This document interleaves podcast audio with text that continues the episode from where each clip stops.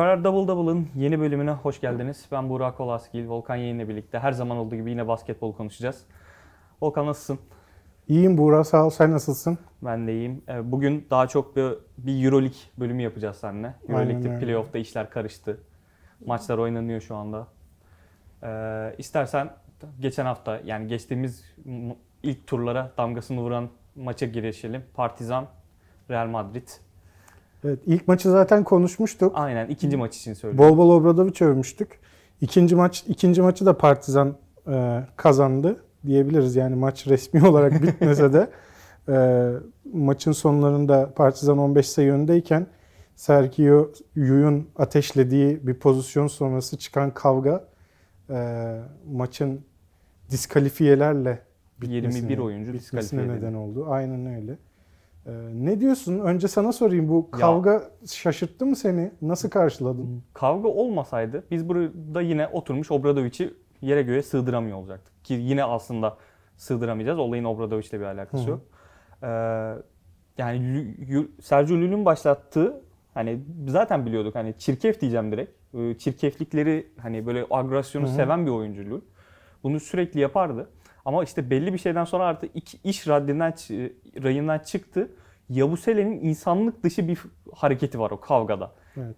Yani olay başlangıcı evet Yabusele'ye dayanmıyor ama iki takım kavgaya başladıktan sonra Dante Exum'u hani güreş tabiriyle söyleyeceğim e, kündeye getirdi. Aldı yere attı artık. Yani bu Suplexmiş galiba onun asıl adı. Yani- Ee, bırak yani bir sporcuyu bıraktım dışarıda bir insanın normal bir insanın yapmaması gereken hareketleri bir sporcu yapıyor. Yani skandaldan daha öte bir olaydı o kavga. çok çok büyük skandal.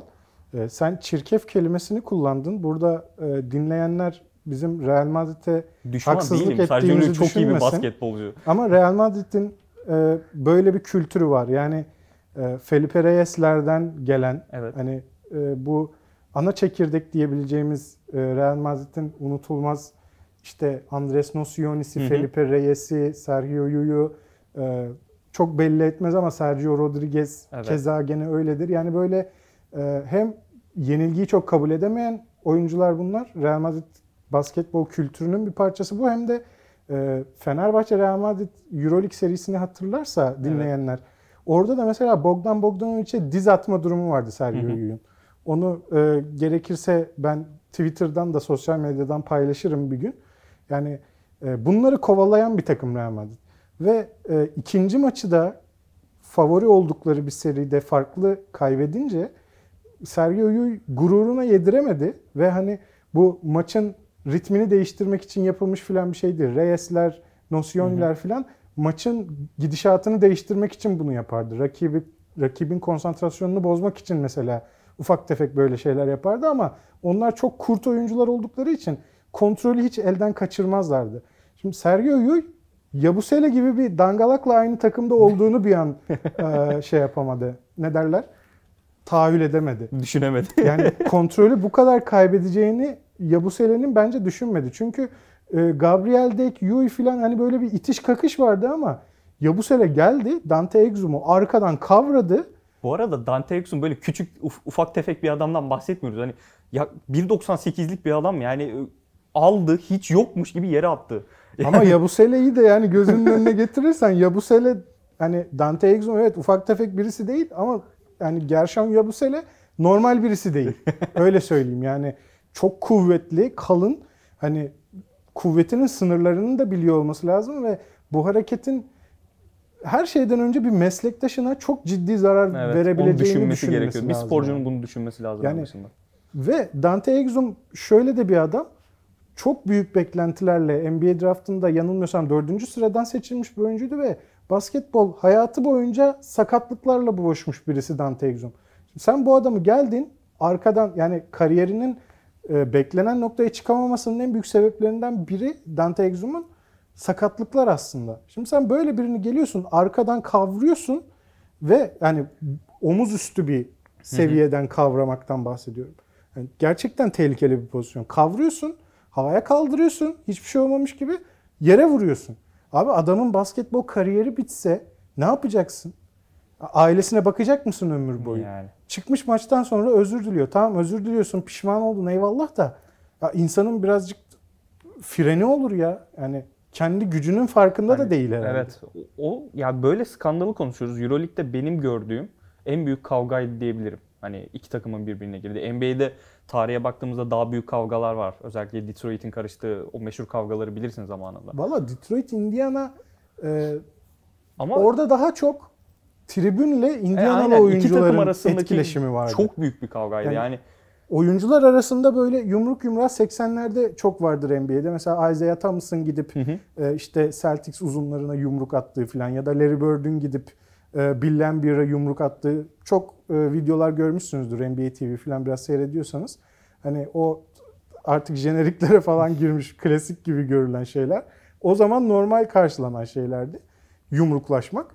Ama artık değil ve hani gerçekten Gershon Yabusele gücünün farkında değil sanırım. Yani bir insana ne kadar profesyonel sporcu da ol- olsa, ne kadar büyük bir isim de olsa, yani hacim olarak büyük bir insan Hı hı. da olsa çok ciddi hasar vereceğinin farkında değil galiba. bir şey söyleyeyim mi? Karşısındaki egzum olmasaydı, hani normal bir insan olsaydı hastanelikti direkt. O hareketi normal bir insan yapmış ol Hayır yapmış canım senin olsaydı. benim gibi düz insana yapsa hastanelik olmaz Burak. Direkt gömerler zaten yani. Oradan kurtulma şansı yok. Bir de üstüne kapaklanıyor. Evet. Ağır bir oyuncusun Devam ediyor. yapsan ya boynu boynu kırılır yani. Ee, çok çok kötü bir pozisyondu. Ve yani burada bir eleştiri getireceğim. Hani Hı hı. böyle bir şeyde ben çok ciddi bir ceza beklerdim. Kesinlikle. Yani- Euroleague Euroleague 5 maç ceza verdi yanılmıyorsam. Hani iyi ki yapmışsın der gibi bir ce- ceza verdi. Yani şaka gibi komik bir ceza geldi. Euroleague bir kez daha Real Madrid'i e, üzmemek için en alt limitten bütün yani Gershon Yabusele bence önümüzdeki sezon forma giymemeliydi.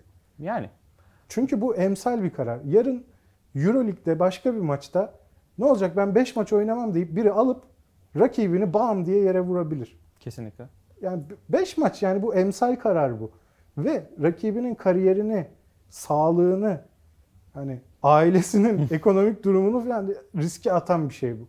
Ya bu kadar kolay mı ya?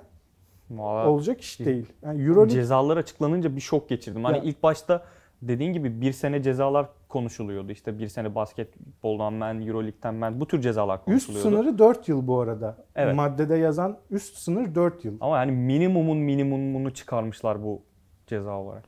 olacak iş değil. Ben yani Jordi Bartomeu yönetimi olsaydı hiç şaşırmayacaktım. Çünkü e, Bartomeu İspanyol takımlarını e, pışpışlamayı çok severdi. Onlara aman zeval gelmesin diye kollardı. Ama Dejan Bodiroga geldikten sonra bir Yugoslav efsanesi hani ve gerçekten bu emsal karar ya bu. Hani siz siz bütün EuroLeague oyuncularına 5 maç ceza almak kaydıyla rakibinizi alıp bam diye yere Yani vurabilirsiniz. çok ciddi sakatlayacak bir kavgaya girişebilirsiniz ve alacağınız maksimum ceza 5 olacak. 5 maç dediniz. Yani bu olacak iş değil. Ee, Bunun bunun haricinde abi e, ben yine Jayko Obradovic'e e, bir parantez açmak istiyorum. Olaylardan sonra Real Madrid'in Belgrad'a geleceğini çok da iyi bildiği için Onu söyleyecektim şimdi. yani olayı tamamen basketbol sınırları içerisinde tutmak için olağanüstü bir çaba sarf etti Obradovic. Ben e, Sırp basınını da takip ettim. Hı hı. Yaptığı açıklamaları da takip ettim. E, yalnızca e, o, o akşamki basın toplantısında ya da e, Euroleague TV'ye falan verdiği röportajlarda değil, Sırp basınına da söylediği, verdiği mesajlarda hani bu işi basketbolun içinde tutalım. Hani zaten 2-0 öne geçtik, Final Four'a gidiyoruz. Bunu riske atmayalım minvalinde. E, Real Madrid'li oyuncuların e, sağlığını düşünerek e, yapılan açıklamalarla e, Partizan taraftarını yatıştırmaya çalıştı. Eğer gerçekten ciddi bir taşkınlık olmazsa bu da Jayko Obradovic'in e, taraftarı ikna etme gücüyle alakalı olacak. yani Çünkü ben bu kavgayı görür görmez Burak şunu düşündüm. E bu adamlar Belgrad'da nasıl maça çıkacak? aynı şeyi söyledim. İspanya'da atarını giderini yaptın, bütün artistliğini yaptın. Ama sen paşa paşa Partizan'a gideceksin. Yani Sırp taraftarların size merhamet etme gibi bir durumu söz konusu olursa sadece Obradovic sayesinde olur. Yani bütün Sırp basketbol taraftarı ya da bütün Sırp spor taraftarı için aynı şeyi, aynı genellemeyi yapmak yanlış olur belki ama şöyle gruplar var. Kızıl Yıldız ve Partizan taraftarları içinde. Spor olsun diye birbirimizi dövelim. Spor olsun diye birbirimizi şişleyelim. Hani e, böyle bir kültür de var. Balkanların birçok yerinde sadece Partizan'a filan özel bir şey değil bu. Ya da Belgrad şehrine özel bir şey değil.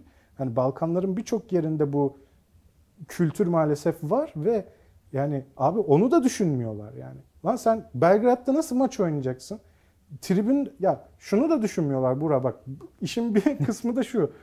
O gün Madrid'de böyle şeyler çok fazla yaşanmaz ama o gerginlikte ikinci maçı da farklı kaybetmiş. Real Madrid taraftarı kendini tutamayıp tribünden aşağı inseydi ne olacak? Mesela bu olay Sırbistan'da olmuş olsaydı ben iddiaya giriyorum tribünler stad, sahaya inerdi. Yani, Yani- orada çok kötü olaylar çıkardı. Ya, zaten Belgrad'da böyle bir şey yapamazsın. Ya, Partizan olduğunu oynarken. O varsayalım bir diyorum şey da ama hani Diyelim ki yaptın. Dediğin gibi aşağı inerlerdi. Ya Madrid taraftarı da kendini tutamasaydı. ya içlerinden birkaç tanesi başlatsaydı neler Yani olurdu? Her yani her tribün grubunun içinde ya da işte orada 10 bin kişi mi var, 5 bin kişi mi var? Onların içinde mutlaka birkaç tane manyak çıkabilir.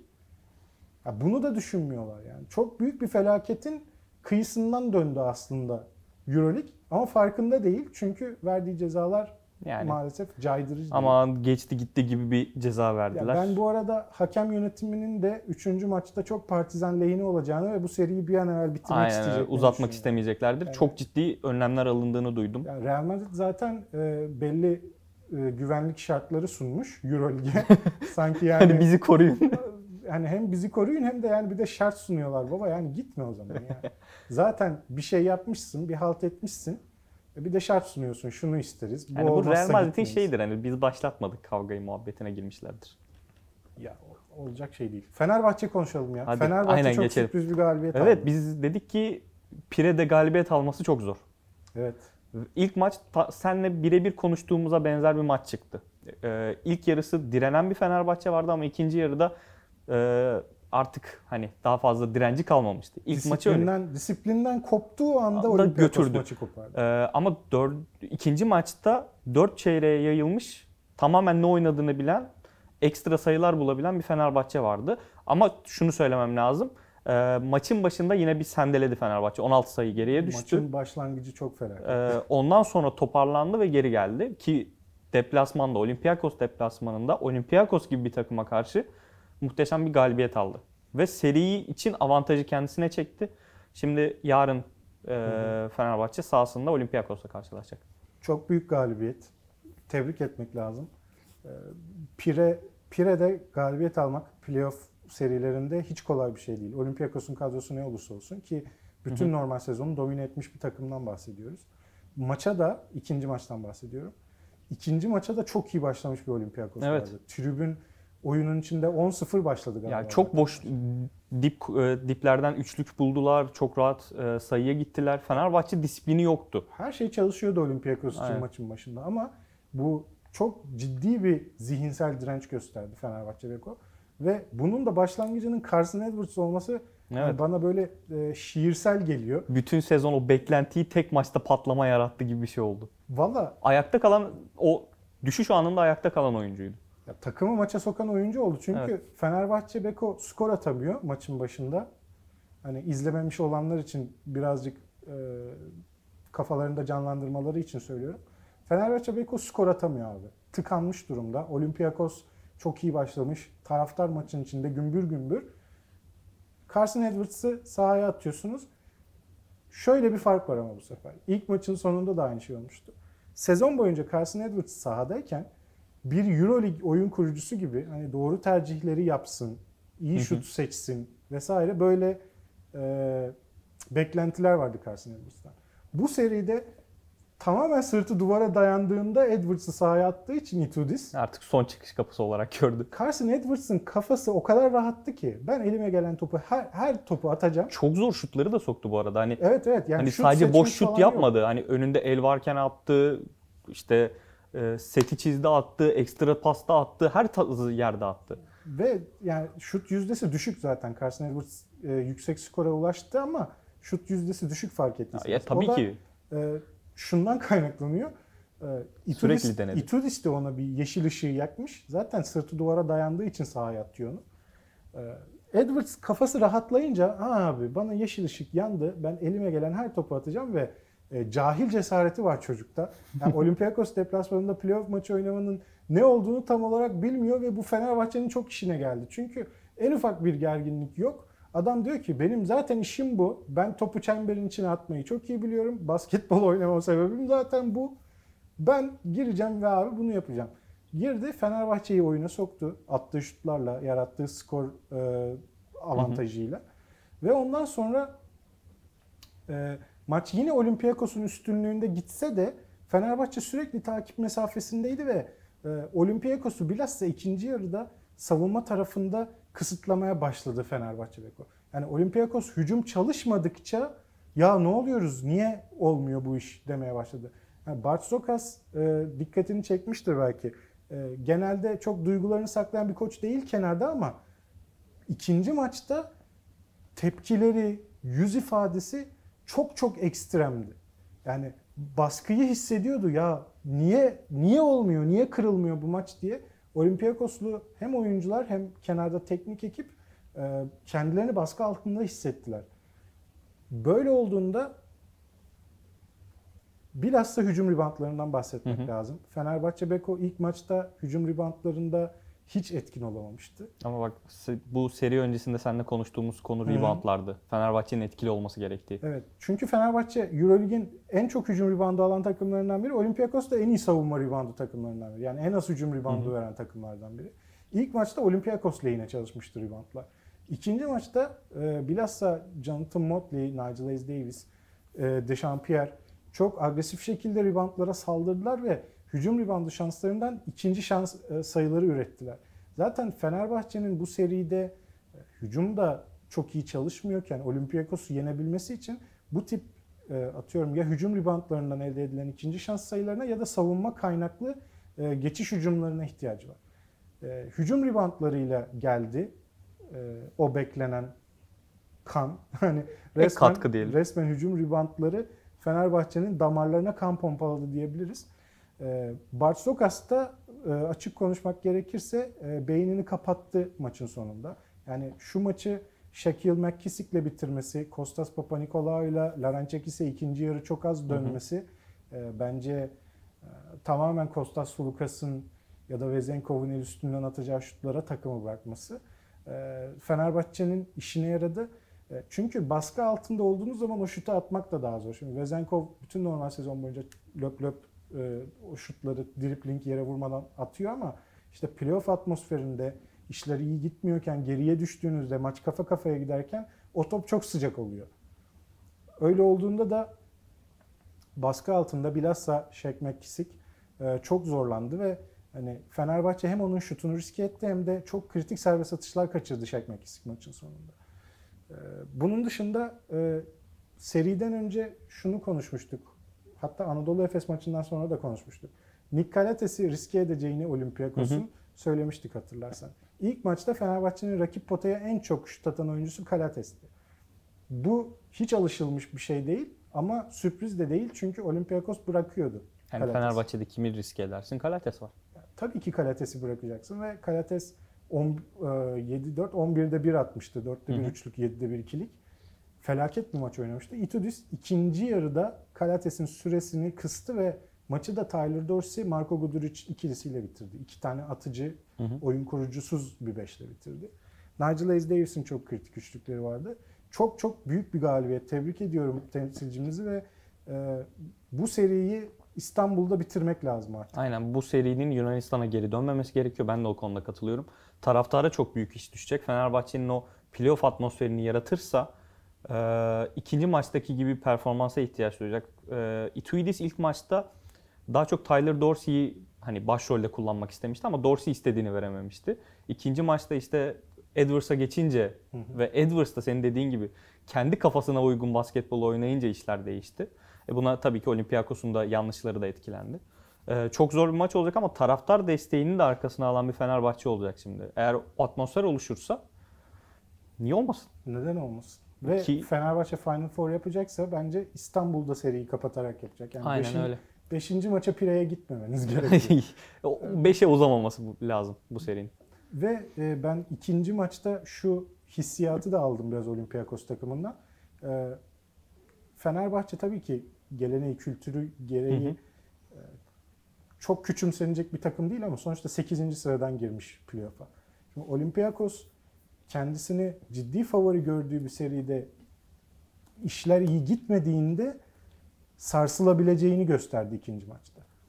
Orada ben biraz umut ışığı aldım. Şayet 3. maçta Ataşehir'de Fenerbahçe Beko Olympiakos'a şu mesajı verebilirse burası bizim evimiz. Biz buraları oynamayı biliyoruz. Hı hı. İyi hazırlandık.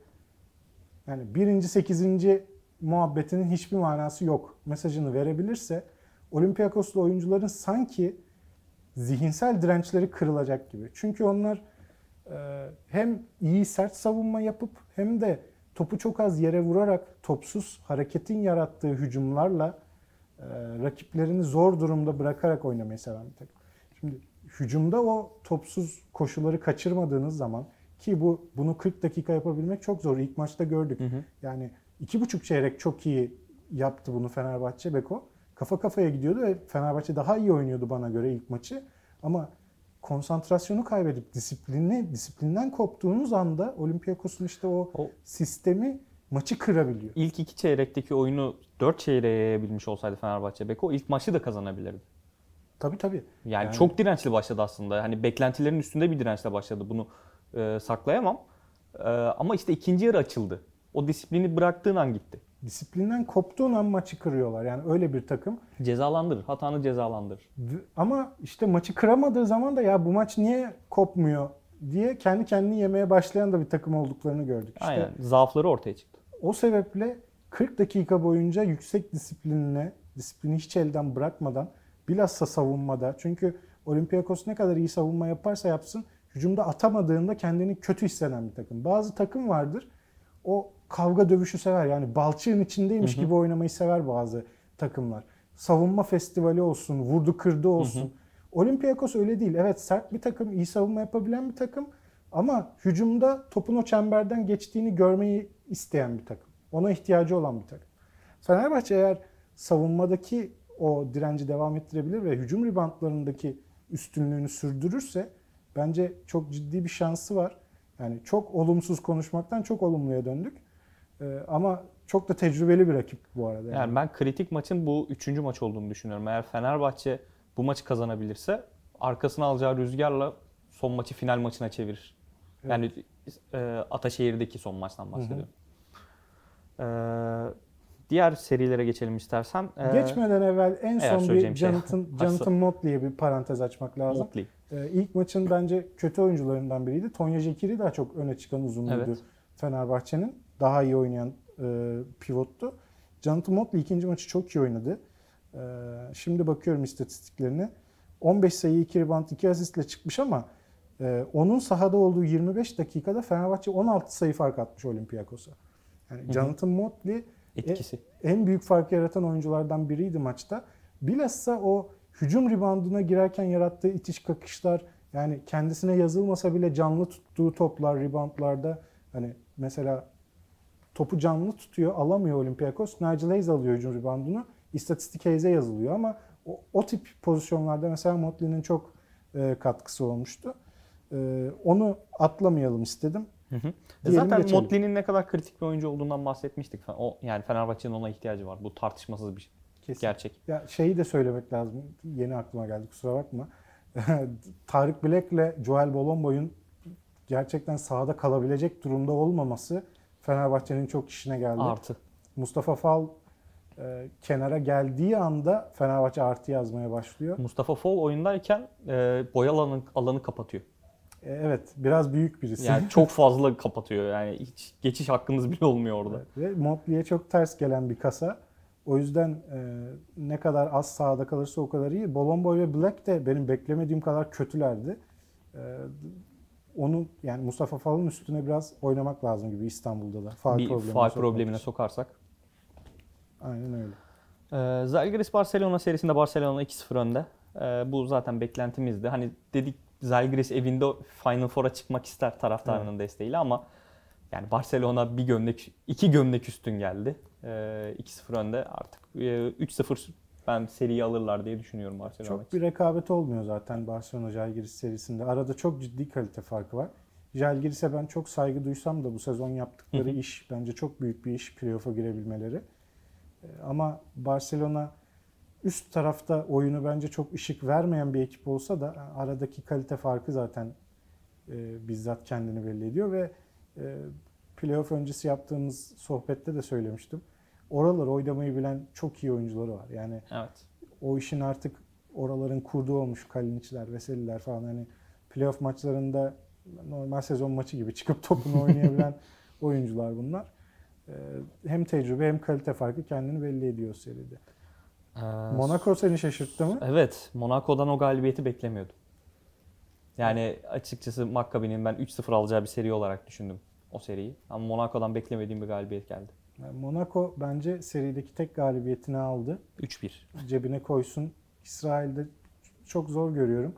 Ee, bu arada bir önceki programda Jordan Lloyd'a Josh Lloyd demişim. Uyaran arkadaşlara teşekkür ediyorum. Ee, evet Josh Lloyd diye birisi Arada yok. olabiliyor. Josh Lloyd diye birisi yok. Jordan Lloyd diye birisi var ama anlaşılmıştır diye tahmin ediyorum. Ee, ilk maçtaki kadar kötü olmayacaktır demiştim. Dellendi ikinci maçta. Ne dersek tersi. Evet yani 30 yani tersi değil düzü çıktı bu sefer. Enteresandır. Ee, ilk maçta çok kötüyken ikinci maçta harika iş çıkardı ve takımın liderliğini alıp attığı skorla birebir yarattığı skorla e, ciddi fark yarattı. Yalnız Maccabi zaten görevi tamamlanmış Ya olmanın yani bilinciyle biraz rahattı. Deplasmandaki o yani tek galibiyeti aldıktan sonra seriyi evinize götürmeyi garantiliyorsunuz ve ondan sonrası rahat. Yani deplasmana giden takımlar playofflarda bir maçı çalsa tamam görev tamam Aynen, şeklinde yani bakarlar. Biraz o, o, Maccabi'de o konuda aynen. Maccabi istediğini yaptı. Ben son bir konuya değineceğim. Anadolu Efes ve baş antrenör. O kadar isim yazılıyor. Sen de ilk bu o, e, Ergin Ataman Panathinaikos'la anlaşınca Pablo Lasso ismini konuşmuştuk Hı hı. seninle. Ama Pablo Lasso işi yattı. Evet, Ee, anlaşma olmadı. Bayern Münih'le anlaştı Pablo Lasso. Ee, Anadolu Efes içinde birçok isim geçiyor. Ne diyorsun? Şöyle bir şey var. Bana göre Anadolu Efes için ciddi bir risk. Şarunas Yasikevicius şayet Evet. Barcelona'da Xavi Pascal falan da gündeme geldi. yani Xavi Pascual biraz hem Barcelona'yı bekliyor benim duyduğum kadarıyla. Zaten Barcelona'nın eski koçu. Ee, Biraz Barcelona'yı bekliyor gibi. O geri dönmeyi istiyor anladığım kadarıyla. Anadolu Efes'in kafasında da şu fikir var. Barcelona şayet sezonu istediği şekilde bitiremezse çünkü çok ciddi yatırım yapan bir takım, çok para harcayan bir takım. Ee, bu sezon hem e, yerel ligde hem de Euro Lig'de bir kupa müzeye getiremezse Yasikevicius'la yolları ayırırlar. Biz de Yasikevicius'u Anadolu Efes'e getiririz tarzı bir düşünce olduğu Yani söyleniyor. Şöyle bu playofflar öncesi İspanyol basınında çıkan haberlere göre e, Yasikevicius'un hani hem yönetim açısından hem de bazı oyuncular açısından hani e, tavırlarının çok doğru karşılanmadığına yönelik haberler çıkmıştı Yasikevicius'la ilgili. Hı hı. Dediğin gibi e, başarıya bakılıyor e, ve bu sene Euroleague başta olmak üzere bir kupa getirilemezse Yasikevicius'un bileti kesilebilir. Evet yani Anadolu Efes'te de e, onu beklemeye yönelik bir fikir olduğu konuşuluyor. E, yalnız bu çok ciddi bir risk. Çünkü Barcelona Euroleague şampiyonu da olabilir, Olabilir. bir anda. Çünkü Final Four biletini ceplerine koydular Ondan sonra iki maça bakıyor yani, Yani- niye olmasın. Günlük performans çok iyi bir takım. Barcelona Euroleague şampiyonu olabilir ve Yasikevicius kalabilir. Bu sefer sizin alternatif belirlediğiniz Yani- koçlar başka takımlarla anlaşabilir. B sınıf bir koça kalmak da Anadolu Efes'in isteyeceği bir şey olmaz. Anadolu Efes seviyesinde bir takım A sınıf bir e, hoca getirmesi lazım. Evet zaten hedeflenen o. Ee, alternatif olarak da Andrea Trinchieri ve Hı e, Yanis Seferopoulos isimleri gündemde. Ben Seferopoulos'u çok hayırlı olacağını düşünmediğimi söylemiştim daha önce de. Hı hı. Andrea Trinchieri bana göre daha iyi iyi bir koç ve Anadolu Efes'e daha uygun olabilecek bir koç. Ee, lakin dediğim gibi siz Yasikevicius'u bekleyeceğim diye hani adamlara biraz daha bekle hocam bir, biraz daha bekle derseniz başka bir takımla anlaşıp çat diye de gidebilir yani. O da bir risk. O yüzden Anadolu Efes'in çok e, adımlarını hesaplayarak atması gereken bir yaz dönemine giriyoruz ve E, kadroda da değişiklikler e, olacak. Ki yani çok fazla değişiklik olabilir Efes'te. E, Shane Larkin ve Will Clyburn dışında o ikisini merkezde tutarak yani kadronun büyük kısmının yenileneceği konuşuluyor. Yani Misic artık ayrılmak isteyecektir. çok büyük Mitsic'in ihtimal. NBA'ye gideceği artık e, yani kesin değil elbette ama Hani onu orada tutan etkenlerden birisi Ergin Ataman'dı. Ergin Ataman olmadığı sürece hem öyle hem de artık yani kanıtlayacağı bir şey de kalmadı Euroleague'de. kupalarını aldı. Kupalarını aldı, MVP'sini aldı. E, bu çok da kötü geç, geçmiş bir sezondan sonra artık hani Larkin'le Clyburn'le top paylaşmak falan da yani NBA'de şey değil. kontratımı alayım en azından. Ondan sonra tekrar Avrupa'ya dönerim Yani düşüncesi NBA'de olabilir. de kendini denemeyi istediğini zaten her Ona her, röportajında her zaman söylüyor. konuşuyor, her zaman söylüyor. Sadece istediği NBA'ye gittiğinde kenarda oturmak istemiyor. En azından hamle oyuncusu olarak e, oynamak istediği bir takıma gitmek istiyor. net bir rol istiyor ama kendini denemek istiyorsa NBA'de de artık zaman bu zamandır. Yani 30 yaşından sonra gidip ben kendimi NBA'de deneyeceğim ben geldim diyemezsiniz. olmuyor. Ee, o yüzden Miss için ayrılma ihtimali yüksek. Hani e, Ergin Ataman'ın da Rodrik Boboa'yı e, Panathinaikos'a götüreceği konuşuluyor. evet, hem ben de Yunan basınında hem de yerel basında çıkan haberler var bu yönde. E, hani yan parçalar için de çok ciddi bir e, kafa yorması gerekecek Anadolu Efes'in. Evet iki ana oyuncusu var ve en önemlisi belki de bunlar ama etrafına dizecekleri yapı için bir öncelikle koçun kim olacağını Ondan belirlemek sonra lazım. yapılanmaya girmek lazım. İkincisi ne oynamak istediğinizi koçla beraber kararlaştıracaksınız. Üçüncüsü ona göre çekirdeğinizin Ya, etrafını dizeceksiniz. Bu koç olayında e, hani tamamen kendi görüşümle hı. alakalı. Böyle bir haber çıkmadı, böyle bir işte ilgi alaka da yok ama bunu söylemem lazım. Şu anda Süper Lig'de, basketbol Süper Ligi'nde zirvede kim var? Türk Telekom. Türk Telekom. Başında kim var? Erdemcan. Erdemcan ismi niye hiç geçmiyor? Yani şu anda Erdemcan'ın kontratını bilmiyorum. Kontratında herhangi bir çıkış maddesi var mıdır yok mudur bilmiyorum ama Erdemcan gibi e, önü açık ve ben kendi adıma söylüyorum çok başarılı bulduğum bir baş antrenörün sözleşmesinde o madde vardır büyük ihtimal. E, Türk Telekom da önünü kapatmaz bu arada. Yani- Anadolu Efes gibi bir fırsat niye varsa. hiç düşünülmüyor? Ben yakından takip ettiğim için Erdemcan'ın e, hani kariyer basamaklarını kendisini çok geliştirdi. Obradovic sonrası işte Amerika'ya gitmesi, ondan sonra geri dönmesi kaldı ki bu sezon Olağanüstü iş. çok iyi bir basketbol oynuyor. Ee, ve Euro Cup'ta finale çıktı bu takım. Hani onu da söylemem lazım. İşte Euro Cup'ta finale çıkması belki de işleri bozan faktör olabilir Burak. Çünkü Türk Telekom Euro Cup'ı kazanırsa seneye Euroleague oynayacak. Evet. Yani seneye Euroleague'de 3 temsilcimiz de olabilir ve Erdemcan belki or- orada e, kurduğu, başlattığı yapının e, başında Euroleague oynamak istiyor Hı hı. olabilir. Türk Telekom ya hocam işte bak bu kadar bir şeyler başardık gel bunun da taçlandırmasını senle yapalım diyor olabilir. E, Ama hani- ben yani burada biraz sitem ediyorum. Ben evet çok hiç fazla gelmedi yerliler hani illa yerli olsun diye bir, diyen birisi değilim. Hatta olduğunda ben daha çok yabancıya sıcak bakan birisiyim. Böyle A sınıf bir hoca konuşurken ama e, Anadolu Efes en büyük başarılarını Ergin Ataman'la kazandı. Yani üst üste iki Euroleague şampiyonluğundan bahsediyorum. Ya Erdemcan ismi niye geçmez? yani biraz e, isyan edeceğim burada. Biraz pozitif ayrımcılık yapayım. Vallahi hiç- yani bence haklısın. Ben bu yerli dendiği zaman biraz bana kaşıntı gelir yerli yabancı mevzusunda. Hı hı. Çünkü ben her zaman hak edenin oynayacağını, hak edenin Aynen, ben de o kafadayım ama yani inanan burada- birisiyim. Gözümüzün önünde duruyor ya. Hani diyor ki ben büyük takım istiyorum. Ya ben başarı istiyorum. Ya gittiği yapıyı da büyütüyor bu arada. Evet. Yani Türk Telekom'un kupayı alırsa inşallah e, Euroleague'de de başarısız olacağı kesin değil. Evet. Sonuçta hem e, yatırım yapabilecek bir sponsor Hı hı. yani bir mali güç var arkasında. Gerekirse Euroleague şartlarına göre yapılan harcama artabilir. E, ve Anadolu Efes'in belki de Ergin Ataman dışında o seviyede kendini kanıtlamış koç olmaması Türkiye Hı hı. pazarında.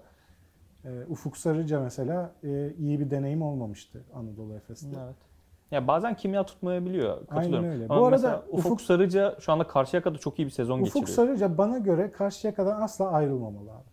O, Ufuk- uyuşuyorlar Ufuk birbirlerine. Sarıca ben yani ben hocanın İzmir'i çok sevdiğini biliyorum bir kere.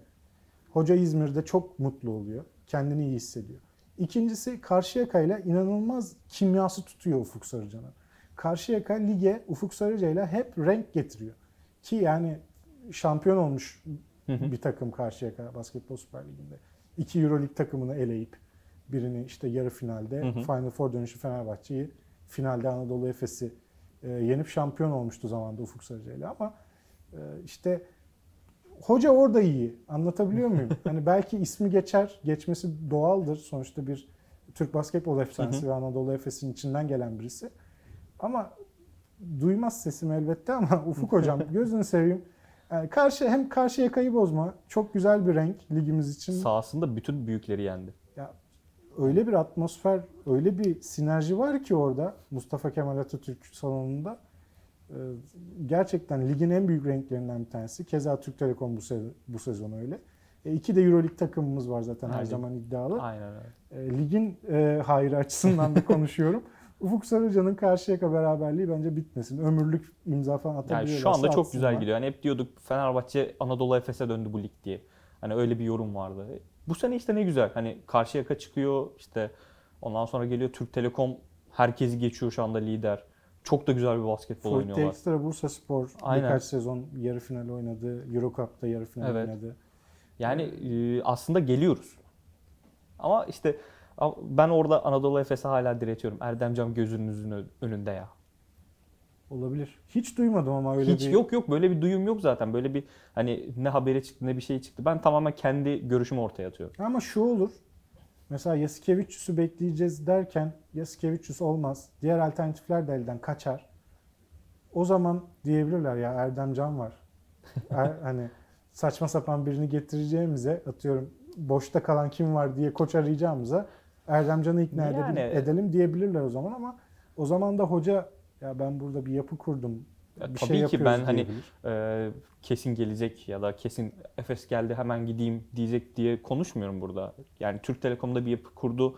Dediğin gibi Euro Cup'ı kazanırsa Euro Lig'e katılacaklar. E, Euro Lig'e giden bir takımı bırakıp hani sıfırdan bir yapılanma kurmak ister mi? O da soru işareti. E, Bir de ben gene- tamamen yorum yapıyordum bu konuda. Yine ben ligin selameti açısından Ankara'da iddialı bir takımın olmasının Evet. faydalı olduğu görüşündeyim. Seni sen gelecek seneden sonra düşünelim. Yani e, bakalım. Euro Cup'ı Önce- kazansın Türk Telekom. Heh, tamam Seneye diyecek. 3 Avrupa'da 3 takımla gidelim. 3 tane Euro League takımımız olsun. Ondan sonrasına bakarız. Evet, keyifli olur. Teşekkür ediyorum Volkan. Ağzına sağlık. Bu. Ee, bugünlük bu kadar. Ee, gelecek bölümlerde görüşmek üzere.